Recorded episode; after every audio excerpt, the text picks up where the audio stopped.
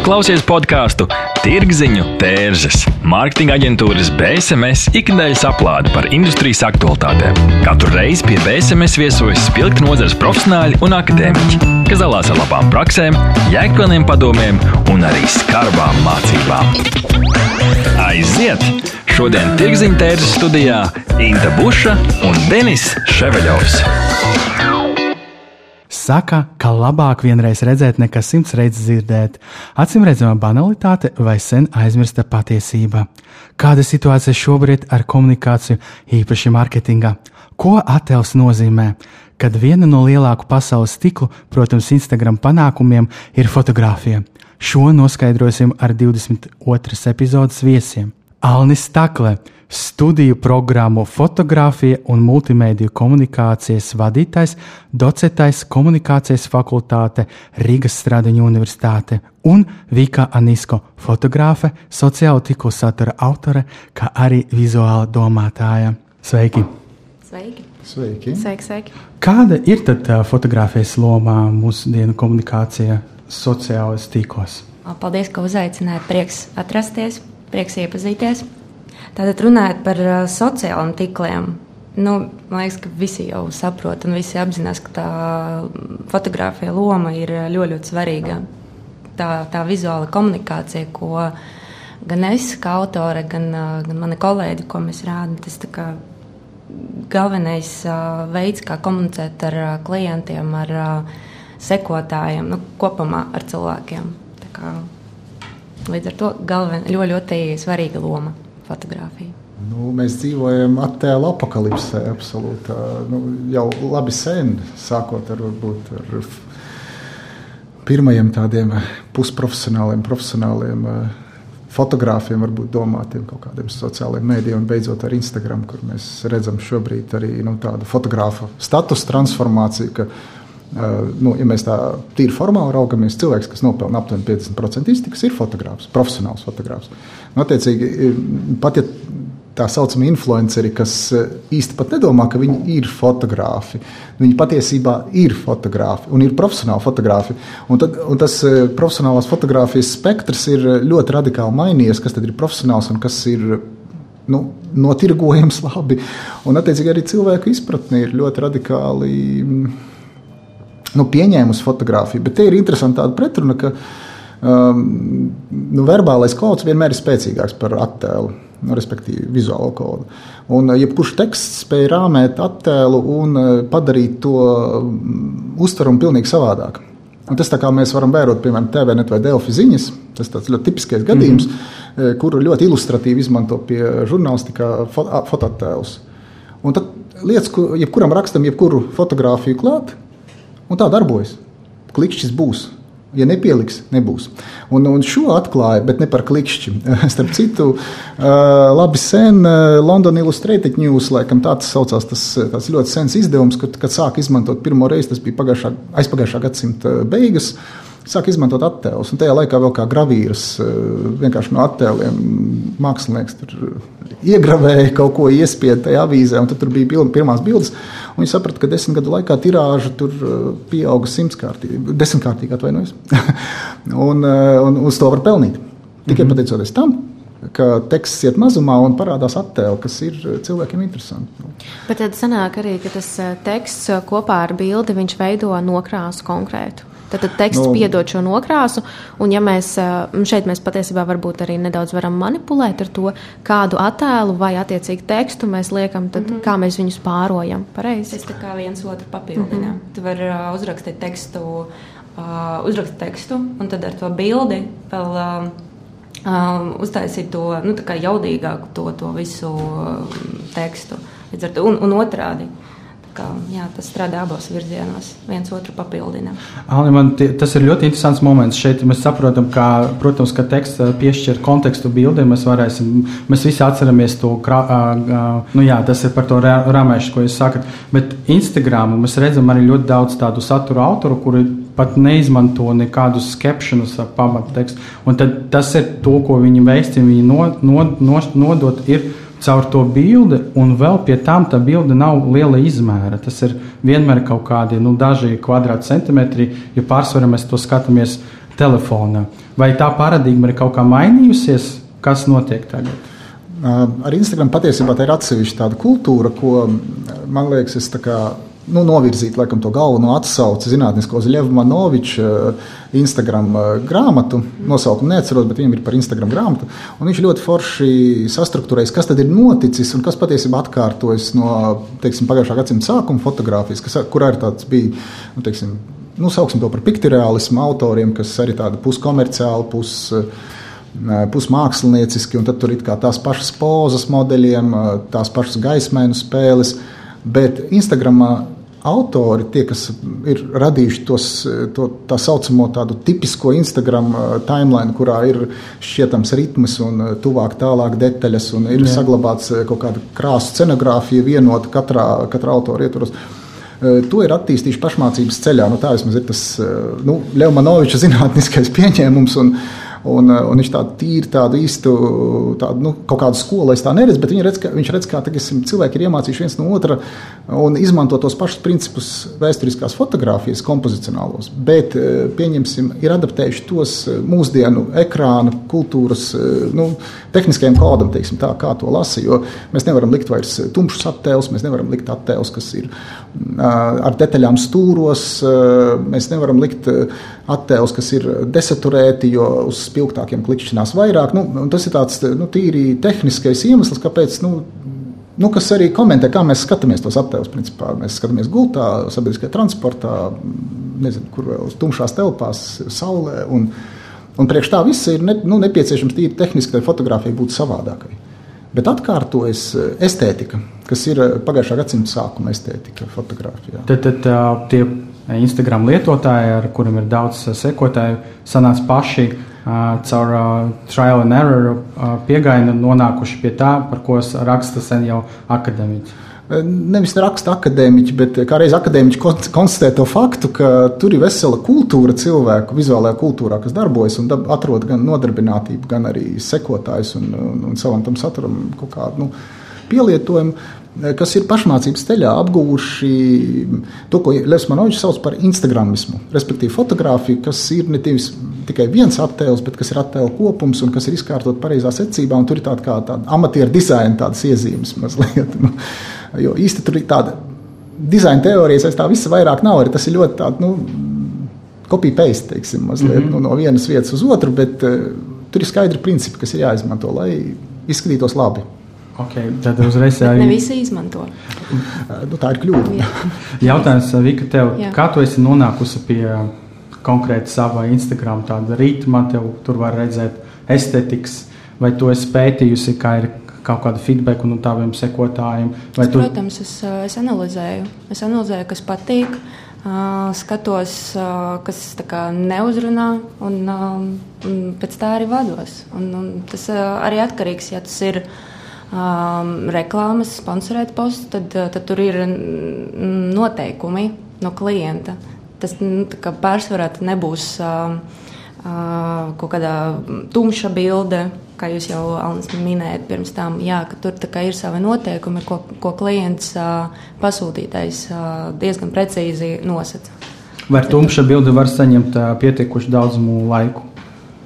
Jā, protams, ja tur būs uh, ķermenis. Mm -hmm. Bet, nu, tas, tas bija tāds pirmais piemērs. Es zināju, ka tu to jautāsi pēc tam. Tieši man līdz ar to es uzreiz vienkārši elephant in the room. Un, jā, protams, kāpēc gan nē? Tas arī, nu, manuprāt, mans, mans Instagrams un tas vizuālais manā Instagramā tur diezgan patumši. Es, es balansēju starp to tumšo pusi, kas man uzrunā. Man liekas, ka tur ir kaut kāds savs noskaņojums. Un, uh, un starp to gaišo es visu laiku balansēju starp, nu, teiksim, tā, starp mm, to, kas man uzrunā, un to, kas uzrunā klientu. Ok, bet klients pie tevis ir atnācis, jo viņam it kā cipa patīk, ko tā, tu dari. Nu, tā ir vispār atsevišķa tēma un, un saruna, jo uh, Uh, jā, klients atnāk pie tevis, jo viņam patīk uh, tavs vizuāls un, un kopumā tavs stils. Līdz ar to viņi grib uh, reklāmu tieši pie tevis, jo tur, tur nu, jūs paši labi zināt, ka tur ir citi cipari un insaiti. Un, vai ir aktīva auditorija vai nav aktīva auditorija. Līdz ar to klients pie tevis var atnākt tīri dēļ, dēļ tā, ka tev ir ļoti aktīva auditorija. Un tad pēc tam vairs neinteresē tavs, tavs stils un tava gaume. Viņi vienkārši jau uztaisa pasūtītājiem un viss. Diemžēl. Okay, tas, um, tad man pie nākamā jautājuma par to estētiku mēs runājam, un Instagram un vispār jebkura cita arī sociāla tīkla ir ļoti, mēs varam redzēt, ka tur veidojas savas tendences, vēsmas. Un tad uh, man jautājums vispār, tagad, kurš ietekmē tas tendences, kā viņi veidojas, un tas banālais jautājums ir tāds, košas bildes vai tomēr pasteļtoņas. Es kaut kādā dzīvoju savā burbulī, domāju, ka ot, man vairāk vai tos cilvēkus ar līdzīgiem uh, estetiskiem kodiem uzrunā tādas pieklusinātas bildes, nevis kur ir saturation 300%. Mm -hmm, mm -hmm. Kaut kādi komentāri par šo? Es, es drīkstu jau pirmā uzsākt. Um, te, teikšu tā, ka, ka vairs neviena, ne, nu, okay, ne neviena, bet pārsvarā aizgāja uz to tumšo pusi. Un uh, īpaši Instagram var redzēt uh, to tendenci, un tu, tu jautāji, uh, kurš tad nosaka tendenci. Tāpat kā, ja mēs runājam par modi, ir street style, un šeit ir blogeri, kuri nu, ar, ar lielu um, sekotāju skaitu. Līdz ar to, ja piemēram, kaut kādam lielam blogerim, kuram ir vairāk miljonu sekotāju, viņš sāk likt savu, uh, savu Instagram tumšos toņus, tad var, uh, tad var redzēt, šīs būs trends. Un trends tieši uz, tumš, uz tumšām bildēm. Um, nu, sāku, man liekas, kopš pagājušā gada, kopš lockdowna. Principā. Mm -hmm. Tā kā mhm. pandēmija diezgan ietekmēja šo tendenci. Un uh, kaut kur rudenī es vēl jokoju, ka Latvijai ir uh, ļoti um, piemērota vide, lai taisītu tādu kontekstu, jo tev principā neko vairs nevajag darīt. Tev jau viss ir, uh, ir, ir gatavs. Vienkārši paņem uz taisa bildi un ir jau tukša bilde.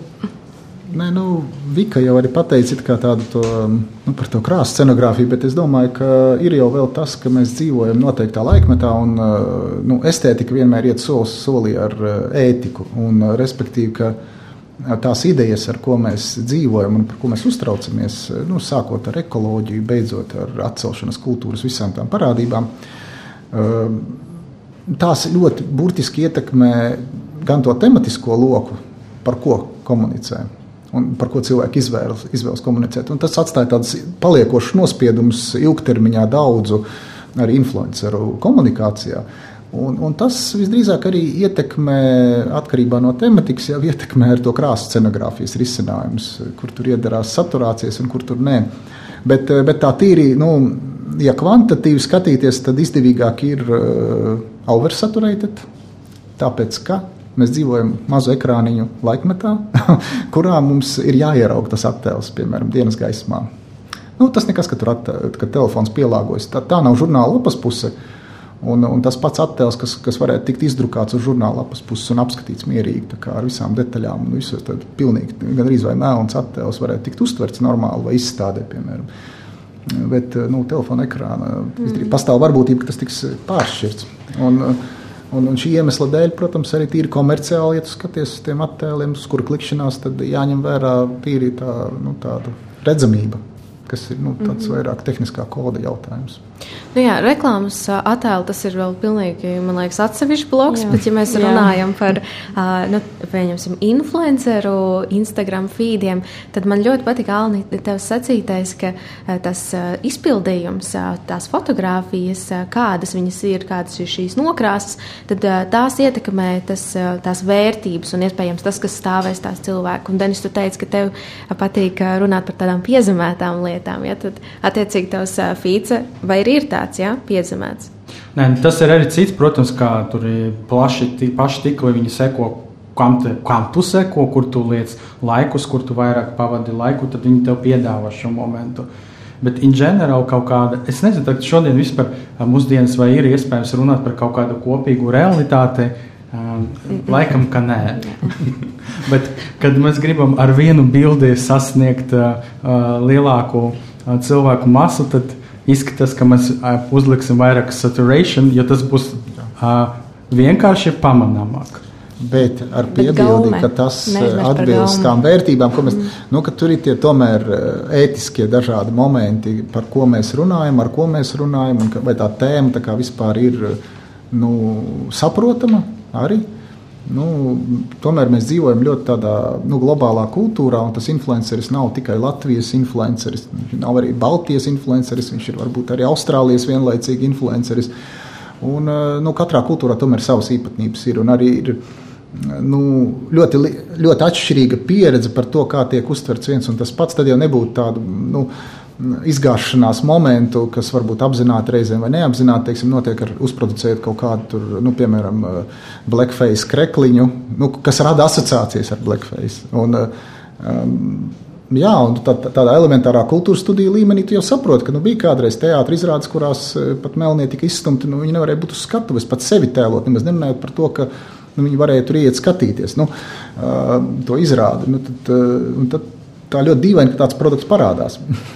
Bet uh, man uzreiz ir jāpajautā tas jautājums uh, par to kultūru atšķirību. Vai ir kaut kādas iezīmes, kas īpaši izteiktas uh, par fotografiju runājot, ir Latvijā, un kas varbūt nav ārzemēs citur?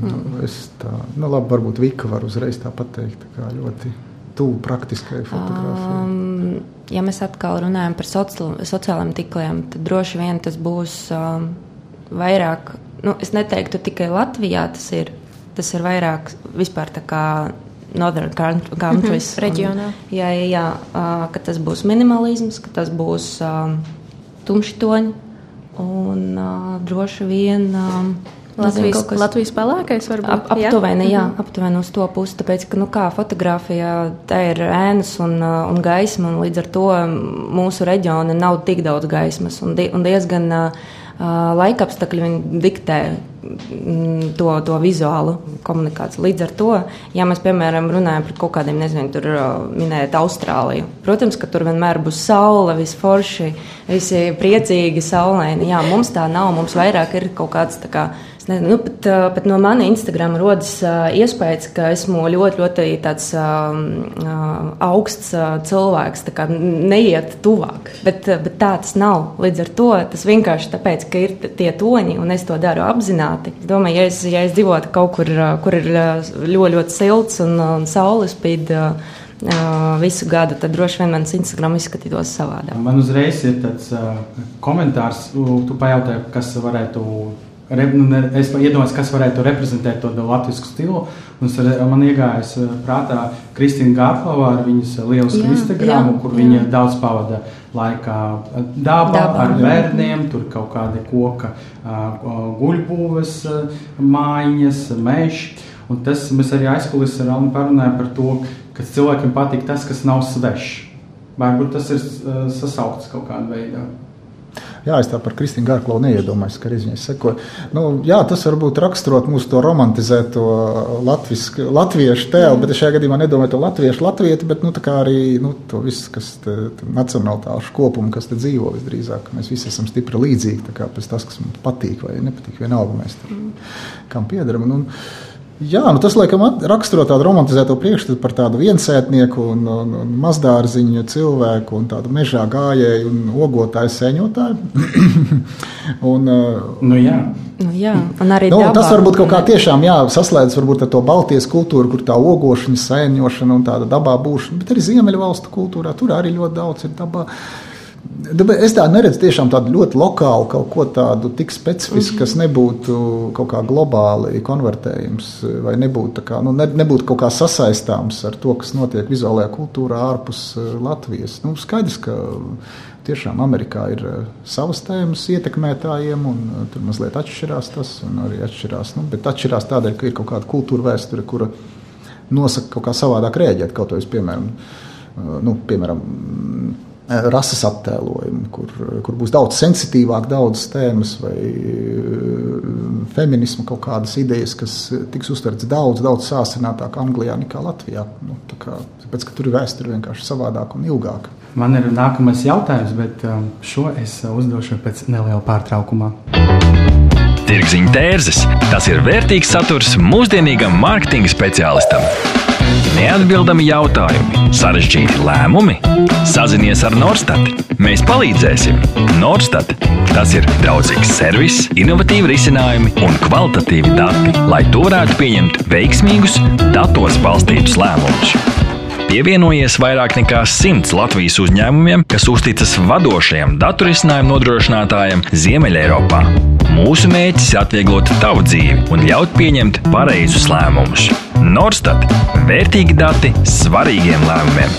www.norstat LV RSO es arī ieguvu savu bakalaura grādu, un tur bija kaut kāds ceļdaļas priekšmets, kur es uzzināju, ka vienmēr tie aktuāli mm, aktieri, ne aktieri, bildes dalībnieki, kas eh, pievēr, pievērš pastiprinātu uzmanību, ir bērni, dzīvnieki un atkailināti cilvēki. Vai tas ir joprojām aktuāli?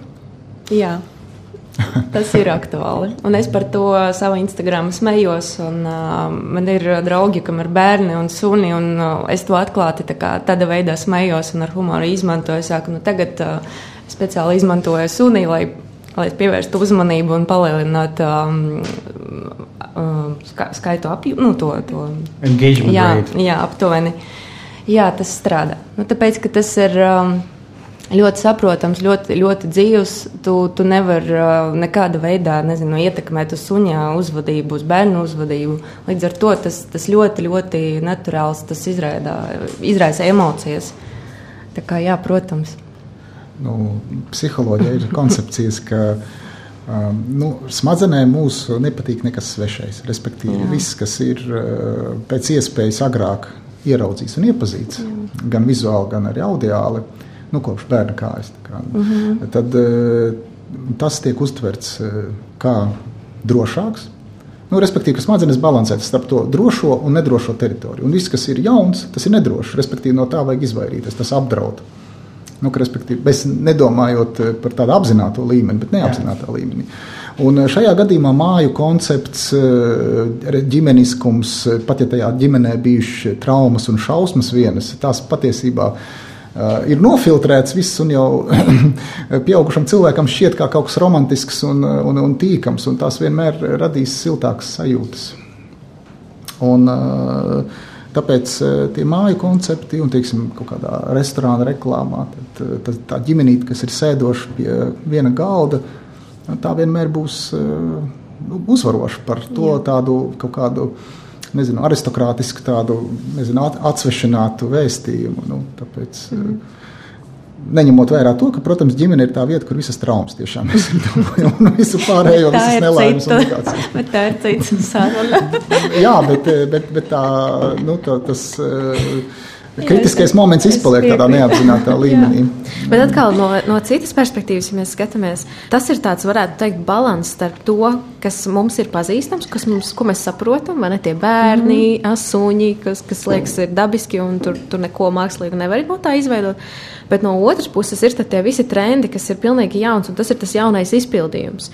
Skaidrs, ka to pašu ziņu tu vari pateikt gan pilnīgi jaunā izpratnē, gan arī saprotamā, bet man, pieņemsim, ir jautājums jums par tādiem supertrendiem. Viens no tādiem trendiem, kas tagad ir visām jaunajām inovācijām un dažādām kamerām, ir 360 fotografija, kas sola, ka tas varētu būt nākamā gada arī tāds aktuāls risinājums. Pieņemsim nekustamo īpašumu biznesam, kur tad māja tiek nofotografēta 360 fotografijā. Kā jūs skatāties, skatāties uz šo, vai tas ir tas? Kā mēs varam strādāt ar to, ka tas tomēr nav tas drošais un ērtais un saprotamais. Tas ir tāds pilnīgi jauns risinājums. Man liekas, ka tas uh, trends uh, aiziet, nu, kā atnāks ļoti, ļoti tā strauji, tad arī pazudīs strauji. Tāpēc, tā bilde viņa vispār neko nedod. Nu, ma manā skatījumā, ja tādā veidā ir nofotografēta māja vai vēl kaut kas, es pilnīgi neko nesapratīšu, kā tā māja izskatās vai, vai vēl kaut kas tāds. Nu, ir kaut kādi, ka, kas ir trends, trends kas kaut kas uh, ātri parādās un, un, uh, un tāpat arī pazūd. Līdz ar to es nedomāju, ka tas uh, būs uz ilgu laiku. Nu, cik es saprotu, jau komerciāli tas tiek izmantots šobrīd. Tas tas tikai... grādu video, tas, nu, tas ir, nav tas, man liekas, dominējošais segments, ko pagaidām pērk, bet es domāju, ka tas ir saistīts arī ar to, kā mēs nu, varam piekļūt tiem attēliem vai tā pieredze skatoties tādā divdimensionālā plaknē, mm. to 3D attēlu, nu, ir eh, bagātāka, vai interesantāka, vai vienkāršāk eh, uztverama nekā teiksim, vienkārši bildīt apskatot. Un, ņemot vērā to, ka cilvēki, nu, tad mēs atkal nonākam pie psiholoģijas, mēs, nu, mēs dzīvojam kultūrā, kurā mēs esam nomocīti zināmā mērā ar izskaistinātiem attēliem, ar perfekcionismu, ar tādiem uzfrišinātiem tēliem, tur, ko mēs redzam. Un ne par velti realitātes šovi kaut kurā brīdī iekaroja mūsu televīzijas ekrānus, un principā arī fotografijā mēs varam vērot līdzīgu jau ļoti sen tendenci, ka jo kļūdaināka fotografija, jo autentiskāk tā šķiet. Respektīvi, ne par velti, piemēram, mākslā ļoti labi iet mazā, mazās amatieru kameriņas, mm -hmm. filmu kameras joprojām. Un te, ne tur izšķirt spējas, ne tur asumu, ne tur pareizes krāsas korekcijas. Tas viss izskatās šausmīgi, bet realitātē tas ir izskatās autentiskāk. Un un cilvēki vairāk tic. Man patīk, es atvainojos, pateikšu, pabeigšu pēdējo teikumu. Man patīk viena dizainera intervijā. Es viņa vārdu neatceros, atvainojos, bet, bet viņš taisīja porno lapām banerus. Tas tāds hrestomātisks piemērs, ko es saku saviem studentiem. Uh, Un viņš teica, ka nu, viņam bija gadījums, šefs saka, uzdizainēt Krievijas saitiem man banerīšus. Viņš saka, es nezinu, krievu valodu. Viņš saka, nu, pakat Google translate ieliec un būs tev. Viņš saka, bet tur būs kļūdas. Tā kā vairāk klikšķinās. Nu, un, tāpēc, ka izskatās autentiskāk. Kļūda ir autentiskuma un patiesības pazīstama nu, zīme. Kā, mēs, uh, Nu, ja mēs tur redzētu grafiski uzzīmētu viku, tad mēs neticētu. Nu, Nebūtu laikam... tik interesanti kā reāla vika. Kā, nu, tas ir tā, es ļoti atvainojos. Ka... Nē, es atkal, man liekas, pilnīgi oponēšu, jo, pieņemsim, es ieraugu tās mājaslapas, kur ir teksts, ir pilnīgi kreizī, tur nav nekādas loģikas, tur ir ļoti daudz kļūdu. Man liekas, ok, šis ir fake saturs. Es ne, nu, A, nu, tas jau ir pārāk daudz, pārāk lielā grāmatā. Mēs runājam, protams, par tādu arī. Nu, nu, noteiktiem segmentiem. Nu, šajā gadījumā tas bija par pornogrāfijām, kur tā kļūda izskatās autentiskāk un tā piedod to ticamības sajūtu. Tāpat ir ar fotografiju. Arī modes fotografija, man liekas, ir joprojām tas trends, ka kā, e, pat, ja teiksim, fotografē digitāli, mēģina atdarināt to filmu estētiku, kur ir tāds, e, nezinu, kāda krāsa temperatūra, tur zaļš, zils, viss izskatās. Un, mm -hmm. un, nu, tā skaitā Lomo, kurš pēkšņi ir uzplaucis ar filmām, kuras rāda kļūdainu krāsa temperatūru. Nē, viss ir forši, man nav nekāda pretenzija pret to. Man ļoti patīk, tas viss fascinē. Bet, eh, nu, tur ir tāds, tāds pašironisks moments, kur mēs varam ieraudzīt, ka cilvēkam vajag kļūdu. Un it īpaši tagad cilvēkam vajag ne tikai kļūdu, bet cilvēkam arī vajag to vienkāršību. Un, līdz ar to mēs nonācām pie tas uh, manas mīļākās tēmas. Uh, Uh, un, un trenda bez Photoshopā. Nu, neizmantot tik daudz apstrādes, kā tas bija agrāk izmantots. Un, uh, man personīgi tas nenormāli uzrunā. Man ļoti, ļoti patīk tā tendence, ka viss nāk uz to vienkāršību un tā, ka cilvēks izskatās. Pēc kā agrāk, es atceros, vēl tikko, tikko es sāku uh, diezgan aktīvi izmantot Instagram. Un uh, tik daudz cilvēku bija, kur kā, es sekoju līdzi. Es domāju, skaists cilvēks, forši, bet tad tu satiek uz ielas un tu nevari atpazīt. Un, uh, es personīgi es sapratu, ka nē, tas vispār nav, nav priekš manis. Un, uh, Jā, man kā fotografam man ļoti uzrunā, ka šobrīd klients pie manis atnāk daļai tā, ka es neizmantoju tik daudz uh, apstrādes, pēc apstrādes. Um, mēs arī pajautājām jautājumu um, respondentiem ar universitātes palīdzību. Vai jūs uzrunā zīmoli, kas pielieto smago uh, fotografijas pēc apstrāde, izgudina grumbas, noņem sejas tekstūru, tā skaita poras? Un uh, 18% atbildējuši nē, bet vispopulārākā atbilde bija jā, bet korekcijām jābūt mazam un nemanāmam - 27%. Es tam piekrītu. Jā, nu, kā, ja mēs runājam par reklāmas foto, um, kas būs izprintēta uz lielā um, banerē vai vēl kaut kas, tad, tad protams, tur, tur prasās tā un tā mazliet apstrāde, bet jā, tai apstrādē jābūt gaumīgai. Līdz ar to, ja mēs runājam atkal par sociālajiem tīkliem un par savu profilu, tad nu, man liekas, ka mazliet tā kā jocīgi teiksim, tā izmantot tik daudz pēc apstrādes, un tad klients. Piemēram, tur no, tagad nav tik daudz pasākumu, Jā. nav kur satikt cilvēkus. Bet, ja mēs satiksim kaut kur uz ielas, un, un ko, tad, un ko tad darīt? Man liekas, ka, ka ja, nu, Tas atkal tas, tas jau ir tēma par to, ka, ka cilvēkam jāpieņem sevi, kāds viņš ir, un, un nav ko tur mm. slēpt. Mm. Jā, es tieši gribēju teikt, ka tas jau ir daudz, daudz plašāks temats. Tas ir ne tikai autentiska fotografija, autentisks Instagram konts, bet tas ir autentisks cilvēks pēc būtības. Un tad tas jautājums atkal ir, vai cilvēki vispār, vai, tas, vai cilvēki ir autentiski? Jo nu, mūsdienās man liekas, ir tas, tas nu, es neteiktu, gluži pelēkā masa. Man vienmēr liekas, tas termins tāds, tāds skarbs. Bet nu, tomēr cilvēki grib justies daļa no kopienas. Viņi grib nu, nejusties vieni, ka viņi ir pilnīgi atšķirīgi. Ir ļoti mazs procents cilvēku, kas jā, ir Es gribu būt pilnīgi tāds, kāds es esmu, pilnīgi dabisks, pilnīgi uh, hipsters un, un tā tālāk, un veidot trendus, nevis būt uh, kaut kāda, nu, sekot trendiem. Vai, vai tā nav, vai jūs teiktu, ka ir citādāk? Nu, hipsters jau ir trends, tāds baigais. Jā, vienīgais mēs neviens nesaprotam īsti, kas tas ir, tas hipsters. Man liekas, tā īsti, nu, tā skatās, kas realitāte ir. Bet, um, nu, tas tāds ļoti plašs, man liekas, tāds ter... Es gribēju šeit būt momentu arī pajautāt. It kā agrāk tomēr tas uh, smartphones, jeb vietālunis, ir demokratizējis tehnoloģijas nereāli. Agrāk pat uh, cil, kad cilvēki zināja, kas ir Photoshop, viņš nebija pieejams tik, un ne visi zināja, kā tās bildes tiek apstrādātas un manipulētas. Bet tagad ir tādas aplikācijas kā FaceApp, mēs visi zinām, daži arī lieto. Un tad uh, Visam ir kļuvis skaidrs, ka okay, tā pārāk skaista bilde visdrīzāk nav īsta un autentiska, un līdz ar to tas patiesums kā vērtība ir pieaudzis. Jo cilvēki saprot, kā to varētu skaidrot. Vai Nezinu, kā to. Zinu, kā šeit arī var, var, gribu papildināt. Ja mēs runājam par apstrādi, ja tā apstrāde ir kā māksla, tad tā ir viena lieta. Jo man personīgi man ļoti patīk. Um, kad uh, apstrāde uztaisīta profesionāli, skaisti.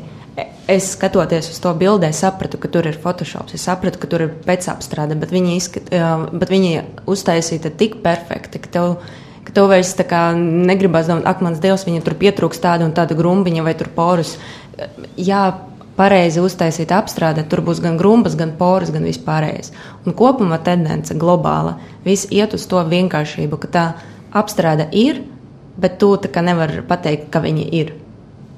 Tā kā tu vari pateikt, ka ir apstrāde tikai, ja tu salīdzinās pirms un pēc.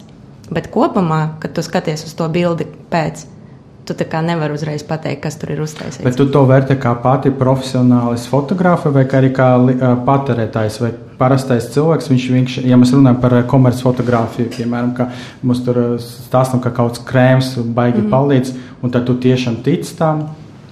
Un... Es, es teikšu tikai par sevi, nevaru par pārējiem teikt. Es, es jau tā, ka es esmu tas cilvēks, kurš ir tā industrija un kurš nu, veido saturu. Līdz ar to man, man nevajag, kā, man negribas pat ticēt, ka tur kaut kas palīdzēs. Es, es ticu tam, ka palīdzēs tava, tavas rūpes par sevi. Tas palīdzēs. Nevis tur kaut kāds krēms pēkšņi tev palīdzēs. okay. Tā kā nu, es, es ticu citiem. Tad kā, kā vajadzētu pareizi pārdot tagad um, caur fotografiju, kādai viņi jābūt uzrunāt mūsdienu uh, diezgan izglītotu patērētāju, kurš saprot, ka uh, bildes manipulācija ir dažu klikšķu jautājums, īpaši FaceApp, kur pat te varu piezīmēt smaidu ar zobiem, kas bija. Es to vakar redzēju, tas bija šokā. Izmēģināju. Nē, es nezināju, es citiem redzēju, un Jā. tas izskatās nereāli dabiski. Vai tās fake, kā tas ir simulēt, kā tas termins sauc? Uh, nu, Deepfake. Deepfake, jā, tas gan video, gan tas tā ir tāda, kas attīstīsies ar vien vairāk tendenci nu, tādā pēcapstrādē. Visdrīzāk, ka daudz kas no stoka attēliem, eh, tas, ko varbūt producē fotogrāfs, lai tirgotu, eh, tiks radīts eh, algoritmu ietvaros un nu, bez vispār fotografa klātbūtnes. Izskatīsies tikpat realistiski, īpaši dažādi produktu attēli, kas nu, portretē skaitā jau šobrīd. Nu, ir ar vien sarežģītāk varbūt atrast to cilvēku, ko nofotografēt, un tad jāmaksā, un visi apzinās savas tiesības. Un, un tad, nu, ne, nu, tas ir tas varbūt pēdējo, teiksim, 5-10 gadu laikā. Nu, arvien sarežģītāk. Tā kā vienkārši random stoka attēliem, varbūt fotografam dabūt, ko nofotografēt un atdot stokam. Nu, šobrīd arī jēgas vairs nav īsti. Kā, bet, nu, tās ir atkal galīgi savu nesenas izmaiņas. Bet es domāju, to, ka, mm, lai kā tas arī būtu, Nu, fotografijā tas autentisms, to, ko Vika pieminēja, tas ir ļoti būtisks šobrīd. Un, bet tas nav saistīts ar fotografiju, tas saistīts ar uh, kultūru, ar mūsdienu kultūru. Jā, un, savukārt, uh, Denis, pieminē, Denis pieminētais, uh, tas um, izglītotais patērētājs, es gan oponēšu, ka nav izglītots. Es, man, mana disertācija bija par mēdīju pratību, bet tā bija nu, 11. gadā pabeigta. Uh, nekas jauns uh, nav pienācis Latvijas izglītības sistēmā pēdējos 30 uh, gadus, kopš 90. gadiem. Mēs esam norāvuši, atvainojos, podā, mēdīņu pratība tur nav iekļauta. Tikai politiskās uzrunās bijis. Respektīvi, Latvijā darbojas pašas primitīvākās, brutālākās reklā, vizuālās reklāmas schēmas, skaista galva rudzu laukā, nodrošina elektorātu. To mēs varam vērot. Cilvēks uz buldozera nodrošina elektorātu absolūti nu, fatāla komunikācija, kurā, kuru tādā elementārā kritiskā līmenī varētu nu, izdzēst vispār. Gan to personību, kas tev atļaujas komunicēt, gan arī. Bet, bet tas darbojas. Darbojas tāpēc, ka nav mediju pratības, kurā cilvēks ir kā reiz sapratis to, kas notiek ar attēlu kultūrā, kā ar to komunicē, kā to pēcapstrādā.